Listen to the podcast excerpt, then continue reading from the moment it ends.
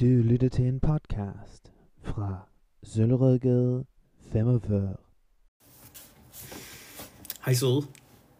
Klokken er 5 minutter i halv 8, og øhm, jeg er lige blevet færdig med at læse det, du skal til at høre lige om lidt. Det er blevet øh, dystert nu, men det kommer du jo til at, øh, til at høre. Jeg kom hjem fra arbejde her klokken øh, 6 eller sådan noget, og så har jeg gået og, og øh, gjort nogle ting, jeg skulle have klaret. Øh, for eksempel lagt dit tøj sammen og hængt ting på bøjler. Og slået øh, øh, tørrestetid ind og tømme opvaskemaskinen og tørre køkkenbordet af og sådan. Det er faktisk helt dejligt lige at få styr på sådan nogle ting.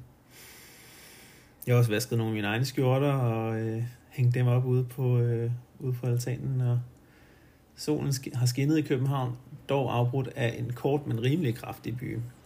Heldigvis så var dit tøj ikke blevet vådt. Jeg tror, det var blevet... Øh, jeg tror, det blev beskyttet af, af altanen overfor. Det var dejligt. Jeg tror, jeg skal arbejde lidt i aften, og øh, Johan, han har jo et, øh, altså Johan fra Twitter har jo et øh, aflyst. Øh, han, han havde det skidt i dag, så vi har lavet en aftale, den samme aftale i morgen, hvor jeg også, øh, hvor jeg arbejder hjemmefra og øh, hvor at jeg øh, også kommer til at køre et smut til Roskilde, hvor der er sådan noget råd, øh, sådan noget ungdoms øh, folkemusikstævne, hvor jeg bare lige er øh, den aften og siger hej til nogle folk og, øh, og, og hygger mig lidt, og så kører jeg hjem igen. Øh, jeg har fået lavet en aftale med øh, en, øh, et Renault-værksted, så på fredag så kører jeg ud og får forhåbentlig skiftet øh, ladekablet. Og øh, så har jeg lavet bilen op øh, på arbejdet. Der er sådan nogle øh, ladestander, hvor man ikke skal bruge sit eget kabel. Men det er til gengæld sådan nogle ladestander, hvor man holder på en parkeringsplads, hvor der står et andet firmanavn på, hvor de tidligere har været lidt efter mig, hvis jeg har brugt det. Men altså, nu tænkte jeg her, øh, i øh, The After Hours i uge 30, må ikke, øh, i øvrigt på en helt tom parkeringsplads, må ikke det lige gik, at jeg øh, brugte deres cleverstander med min egen cleverbrik. Det tror jeg og ellers så, øh, så går det fint. Øhm, jeg, øh, øh, Julie har lavet høre fra sig, så hende skal jeg snakke med øh, på et tidspunkt. Måske i aften, jeg ved det ikke helt. Øhm, jeg tror, det hjalp at skrive til vores fælles ven, øh, Morten Lærstrup, som du jo godt kender, at, at jeg ikke rigtig helt forstod, hvorfor Julie var sådan. Så tror jeg lidt, at han har snakket med Julie og sagt et eller andet med, at det er ikke rigtigt hendes strategi ikke rigtig giver mening. Altså, jeg bliver ikke klogere af, at hun ikke taler med mig, så det, øh, det glæder jeg mig til, at, øh, at vi kan, at vi på en eller anden måde kan, kan snakke om, hvad det er, som jeg gør, som gør hende så, så øh, ked af det. Eller om hun bare er ked af det. Altså, over noget andet, hvor jeg så bare i stedet for kan være, være der. Øhm, så det kunne også være dejligt at få, øh, få styr på. I morgen så, øh, som sagt, så kommer Johan, og, og det er også planen, at vi lige flytter, øh, flytter bogkasserne lidt ud fra væggen, sådan så at elektrikeren kan komme til. Han kommer jo torsdag og fredag. Øh, det bliver også dejligt, og jeg regner med, at der er et, en lejlighed, som du overhovedet ikke kan se forskel på, når du kommer tilbage. Ingen synlige kabler. Til gengæld er der nogle stikkontakter rundt på hjørnerne og sådan noget. Det tror jeg bliver rigtig godt.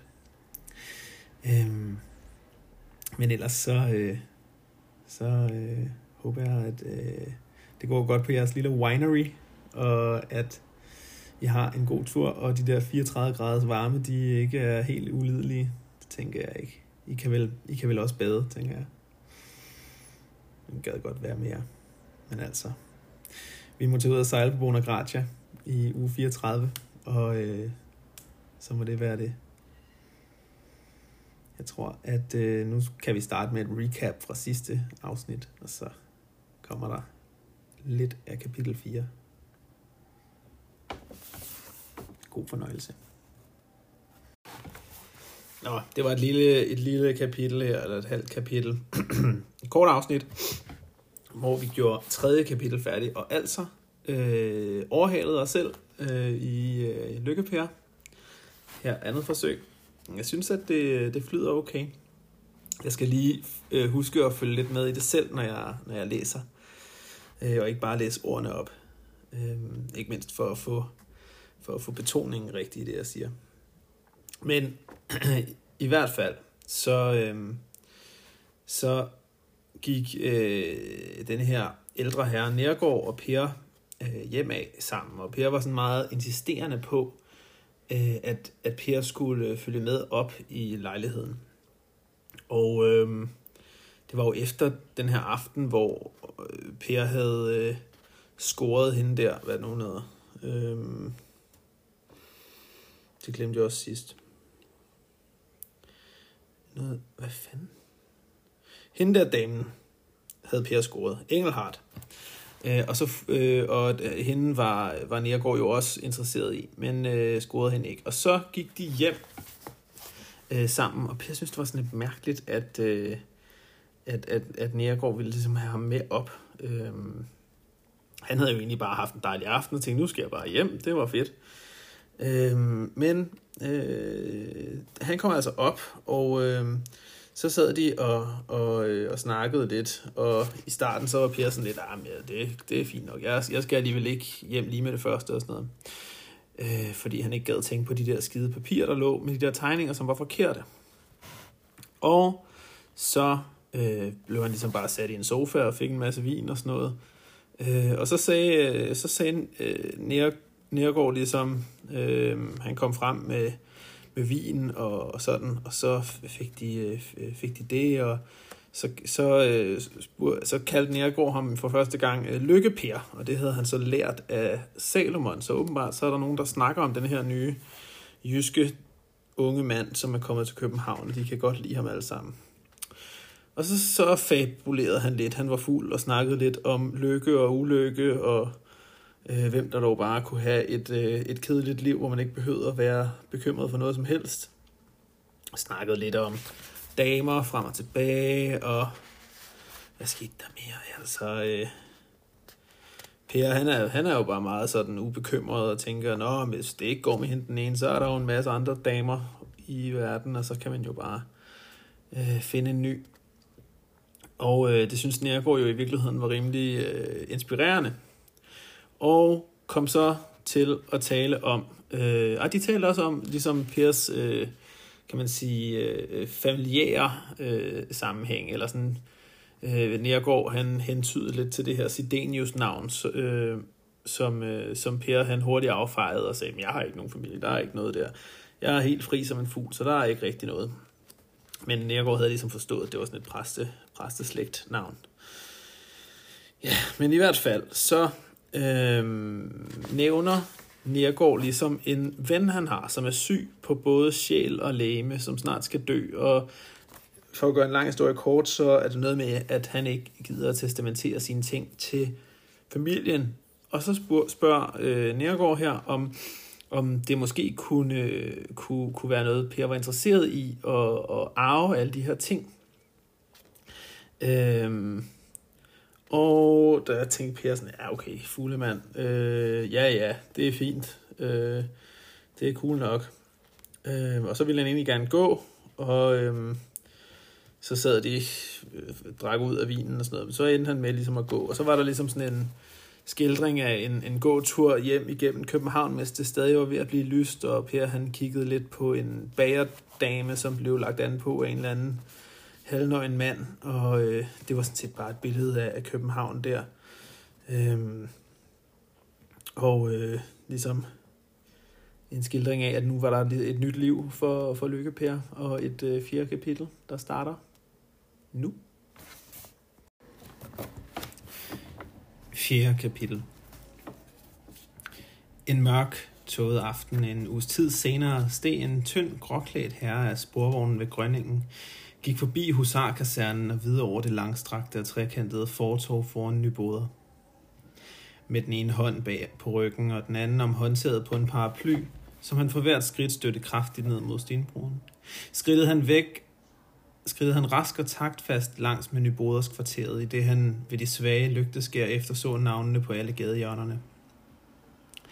Da han var kommet den lange række forbi, uden at have fundet det navn, han søgte, og da der på dette øde sted ikke sås et menneske, han kunne spørge, drejede han på må og få om et af hjørnerne, og blev hurtigt ganske vildfaren i de mange aldeles ensartede smågader, hvor en nyboder bestod. Alle vinduerne i de lave stuelejligheder var tilskåret. Der lyste blot en lille rund eller hjerteformet gluk i hver skøde, og med lygter var han nu sparsommere end ude på torvet. Inden bag skodderne var der livligt nok. Overalt hørtes snakken, barnegråd, hist, og her var der harmonikamusik, og man kunne ude på gaden tydeligt høre hvert ord, der blev sagt. Hist åbnedes en dør, og en kone i nattrøje slog en potte ud i regnestenen, eller en lille hund blev et øjeblik slået ud i det fri. Her løb et par katte om og opførte elskovsduetter.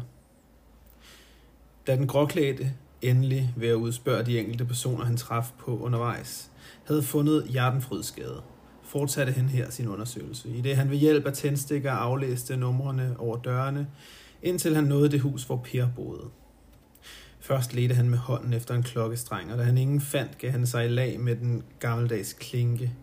Fandt om tider ud af, hvorledes døren skulle åbnes, og trådte ind i husets lille forstue, hvor det i midlertid var så mørkt, at han ikke kunne se en hånd for sig. I den hensigt at hedkalde en eller anden af beboerne, rømmede han sig i kraft i et par gange. Så åbnede døren til stuelejligheden, hvor der boede et yngre skibstømmerfamilie. Over et glatkæmmet hoved, der tilhørte en kone, som kiggede frem med et barn ved brystet, strømmede lampelyset ud mod den fremmede og udskar et mørket et ungt, langt og blegt ansigt med rødkantede øjne og små bakkenbarter under ørerne. Er det ikke her, herr Sidenius bor? spurgte han uden forudgående hilsen. Jo, han bor derinde i bagstuen, men han er ikke hjemme. Ja så, det er måske hans vært inde, jeg taler med. Nej, han bor hos Olofsens deroppe på salen. Jeg, kan, jeg skal kalde af madammen. I det samme knæde den stejle stigetrappe under vægtige trin, og Madder Olofsen, der havde stået og lyttet op bag sin dør, viste sig i trappegabet med en lille bliklampe i hånden. Vil den her tale med herr Sidenius, spurgte han. Ja, men han er nok ikke hjemme, svarede den fremmede i en tone, som ville gøre med hende med ansvarlig for, at han var gået forgæves. Mener de, at det kan nytte, at jeg venter på ham? Ah, det tror jeg ikke. Det er ikke så længe siden, han gik. På hvilken tid af dagen mener de, at jeg bedst ville kunne træffe ham? Ja, se, han er nu ikke så meget hjemme for tiden, men ellers så tror jeg nok, han er sikrest at træffe i mørkningen. Tak, farvel. Fra hvem skal jeg hilse, spurgte Madame Olufsen. Men den fremmede var allerede ude af døren. Man hørte lyden af hans takfaste skridt og smækkende af paraplyens dubsko tabe sig ned ad gaden. Det var da vist en præst, sagde den lille skibstømmerkone helt perpleks. Hvad må han ville ingeniøren? Men Madame Olufsen var i denne tid ikke meget tilbøjelig til at udtale sig om sine logerende. Hun sagde kort godnat og vendte tilbage til sin stue. Her sad højbådsmanden med et par store sølvbriller på næsen og læste i Den bortrømte næreslave eller skibbruddet på Malabarkysten. En roman i 14 bind, som han hver vinter bragte med hjem fra Jomfru Jordan og gang på gang studerede med samme beundring og spænding. Det var vel en, der ville snakke med Sidenius, spurgte han uden at løfte øjnene fra bogen. Ja, svarede madame. Hun trak med en frysende bevægelse i sit lille skuldersjal tættere om sig og lagde en lille skål fuld tørvegumlinger på ilden i kakkelovnen og satte sig i sin armstol med sit strikketøj. Hverken hun eller hendes mand var mange år i disse dage. De kunne ikke komme bort fra, at deres logerende havde forandret sig i den sidste tid, og slet ikke til sin fordel. Han havde jo nok også før kunne slå sig lovligt stærkt løs, men disse svigeranfald, som han dengang selv spøgte med, havde aldrig varet mange dage. Nu derimod havde han i næsten tre uger kun sjældent været hjemme, og når man så ham, var han trav så utilgængelig og misfornøjet med alting, så han endnu havde tabt, talt om at ville flytte. Det kunne nu heller ikke være det bedste selskab, han søgte, det som det der var sandt, hvad han en dag lod et ord falde om, at han havde kendt den kongelige fuldmægtige, som forleden havde taget gift, hvad der havde stået meget om i bladene. Så havde, de, så havde de nu også fået en anden grund til at beklage sig. De havde den sidste tid ikke fået deres leje, og desuden blev de daglig rent på døren af påtrængende personer, der er mødt med regninger for skomager og skræddere, som man skyldte penge. Hvad er det for en person, der var dernede og ville snakke med Sidenius, spurgte højbådsmanden om sider. Jeg kendte ham ikke, men forresten kommer det mig nu for, at jeg har øh, set ham her en gang før, for længe siden. Jeg synes, Sidenius dengang sagde, at det var en fra den anden verden. Men han så da, han så da ellers ikke så meget amerikansk ud. Per stod i det øjeblik og ventede fru Engelhardt henne på det samme mørke hjørne ved frueplads, hvor han engang før havde stået vagt for hendes skyld. Han havde denne gang et mere velbegrundet øh, håb om, at hun ville komme. Han havde ganske vist ikke set hende siden ballaften. Hun havde strengt forbudt ham at passe hende op på gaden, eller på anden måde søge at komme i forbindelse med hende. Men det var i dag, hendes mand skulle rejse til London, og han havde den foregående dag fået tilsendt en uunderskreven billet med ordene i morgen aften. Han gik nu ud fra, at mødested og klokkeslæt skulle være det samme som sidst. Forresten havde han om morgenen modtaget en anden skrivelse, der næsten havde optaget ham mere end dette dog så utålmodigt ventende elskovsmøde. Det var Nergårds sagfører, der havde det til en stor forskrækkelse meddelt ham, at Nergård i et efterladt brev, der udtrykte hans sidste vilje, havde decideret ham den sum, der ville indkomme ved en i testamentet nærmere fastsat offentlig bortauktionering af afdødes bohave. Testamentet var, tilføjet der i brevet, i grunden ugyldigt, det det ikke var opsat i de lovbefalede former. Men da den afdødes to søstre og eneste retmæssige arvinger var meget velhavende gift, var der ingen grund til at tro, at disse, der i øjeblikket opholdt sig i udlandet, ikke skulle godkende hans dispositioner. Sagføreren anmodede ham derfor i sin egenskab af bodets eksekutor om en samtale, når hans vej engang førte forbi hans kontor. Per havde ikke kunne blive enig med sig selv om, hvad han skulle gøre ved den historie. Han havde i første øjeblik følt sig inderlig flov. Med al sin fatalistiske tro på sin pagt med lykken, og skønt pengene virkelig blev ham kastet i skødet på et tidspunkt, der havde, der havde han, undskyld, da han havde dem allerhårdest behov. Kunne han ikke få sig selv til at opfatte dette udslag af en selvmorder kaprice som et himmelsendt hjælp?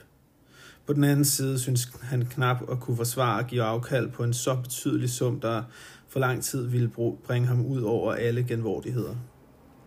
Af det lån, han havde skaffet sig, var der nu ikke meget tilbage, og det meste af hans udstyr var tilmeldt endnu ikke betalt. Men nu, lukkede, nu rullede en lukket droske frem fra sidegaden. En ly, øh, lyst behandlet... Nå, undskyld. Men nu, men nu rullede der en lukket droske frem fra sidegaden. En lyst behandsket hånd viste sig i vinduesåbningen, og i, sam, i det samme sprang Per til.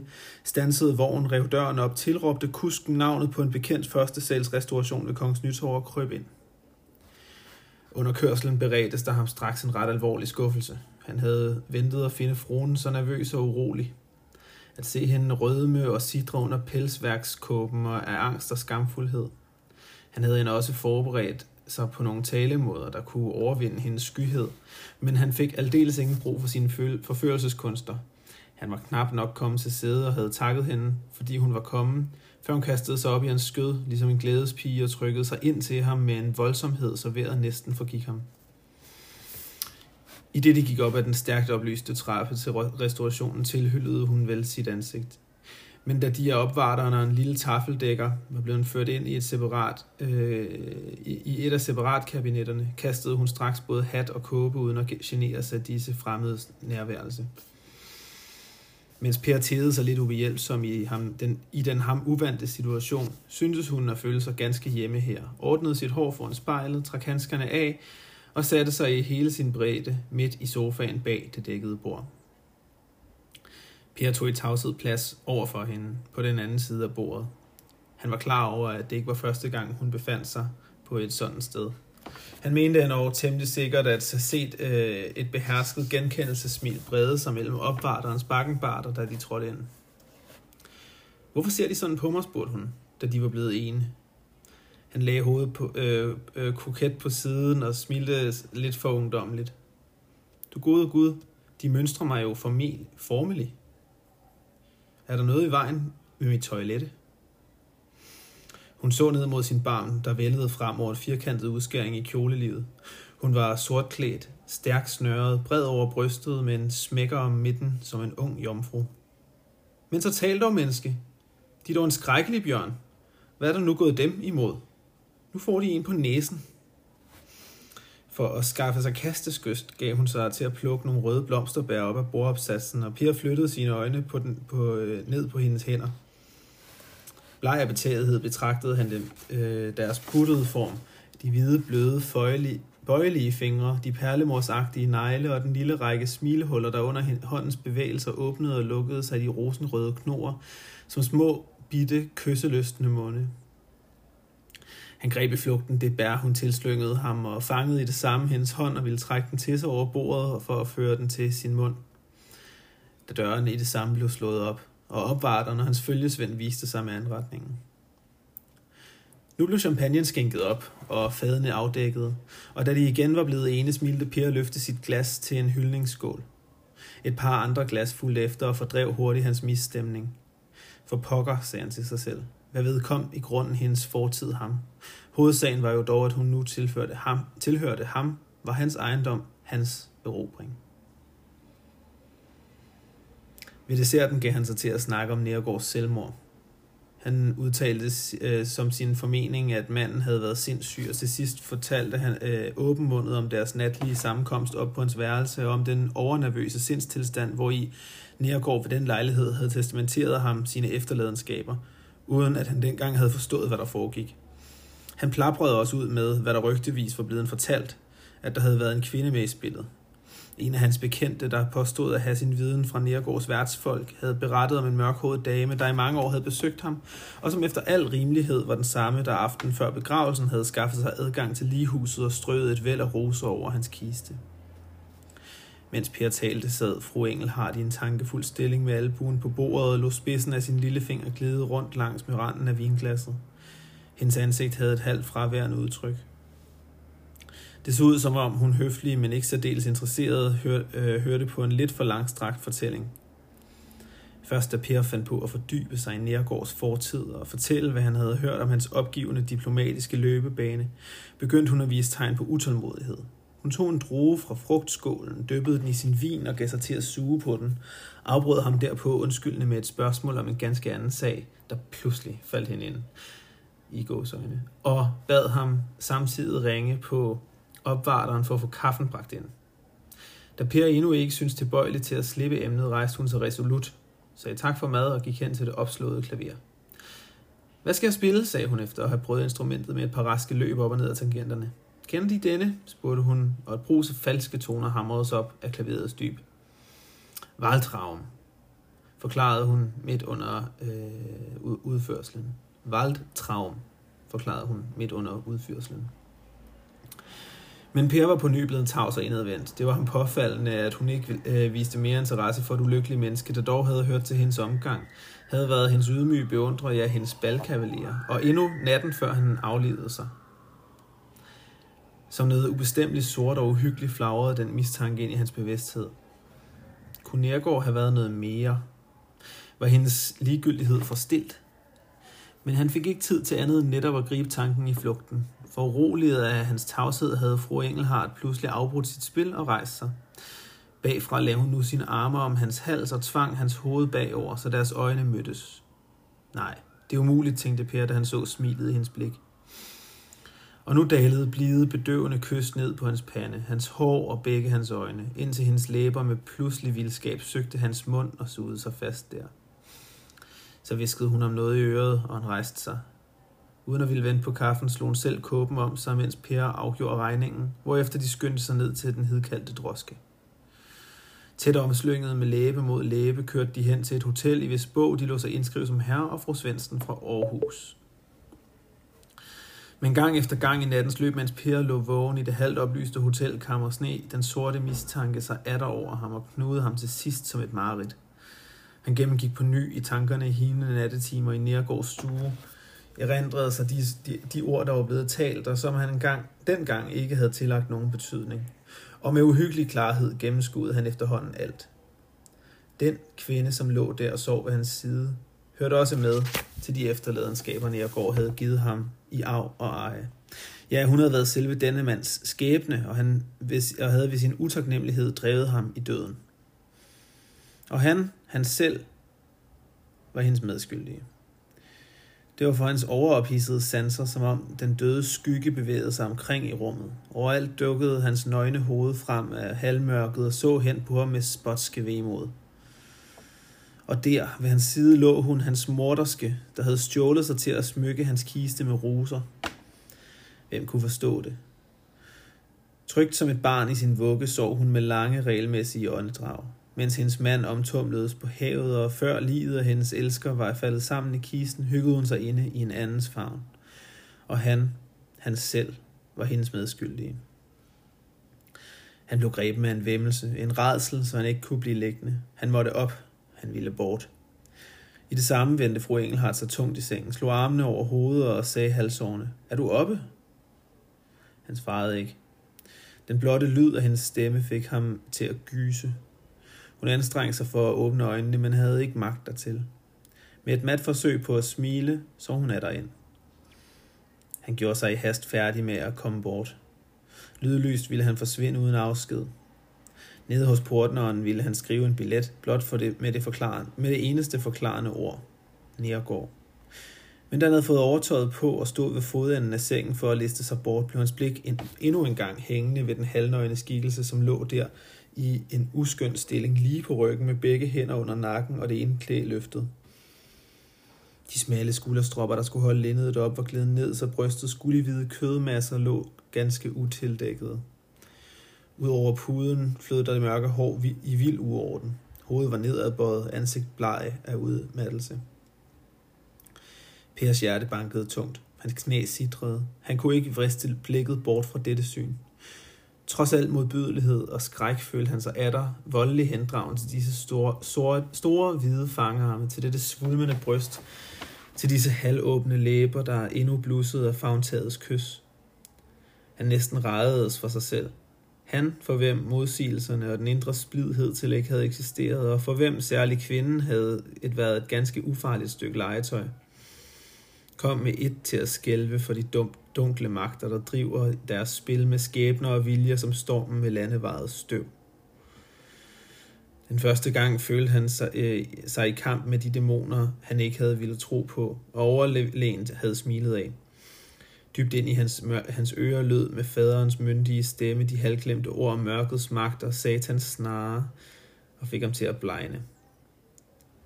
Men nu slog fru Engelhardt sine store brune øjne op, vækkede hans vedholdende sidren. Fortumlet af søvnen strøg hun hårdchauserne bort fra panden og rejste sig over, øh, over ende. Hvad? Er du påklædt? Han svarede ikke. Er det morgen allerede? Han tav fremdeles. Men hvad skal det sige? Er du blevet syg? Nej, endnu ikke. Endnu ikke? Hvad mener du? Du ser sådan på mig. Hvad fejler dig? Jeg mener, jeg vil sikre mig imod at blive syg. Dødssyg sådan som Nergård. Der jo som glimtet af et lyn hen over hendes ansigt. Men øjeblikket efter smilede hun. så bleg hun end var blevet, havde hun i et fuldkommen behersket tone. Sagde hun i en fuldkommen behersket tone. Hvad er nu det for snak? Hvad har de med deres vens sygdom at gøre? Opfør dem nu ordentligt. Det glæder mig, at de dog væger dem ved at udtale hans navn her på dette sted, men det røber dem samtidig, og jeg skal nu tale tydeligere. Det er gået op for mig, mens de sov, at de har været Nergårds elskerinde, og at det var deres bedrageri og troløshed, der fik ham til at dræbe sig. Forstår de mig nu? Hun havde bøjet hovedet og bed sig i sin dirrende læbe. Gå, sagde hun lavmældt, men bydende, og samtidig slog hun en fli af lanet hen over sit bryst. Gå, siger jeg, bundedreng, som de er. Per bøjede sig frem for at slynge hende ordet tæve i ansigtet, men han besindede sig. Hans følelse af medskyld holdt ordet tilbage. Han vendte sig tavs og gik. Nede i portnerlokaget vækkede han nattevagten og fik sin regning afgjort. Og han tænkte, mens han talte pengene op, at der, nu jo, øh, at der jo nu ikke kunne være tale om at modtage Nergårds gave. Så gik han hastigt hjemad gennem den mørke og øde by.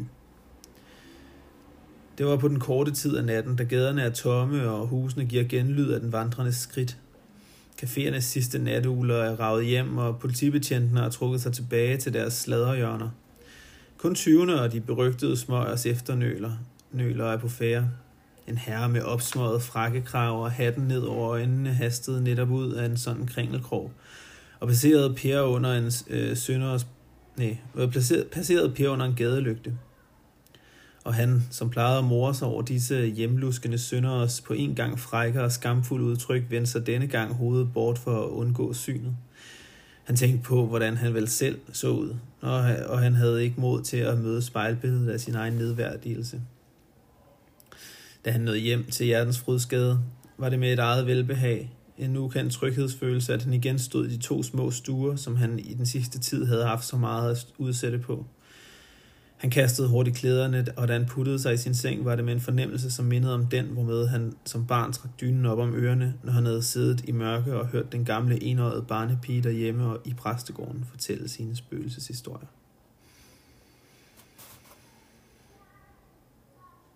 Og her tror jeg også, vi øh, slutter for i dag.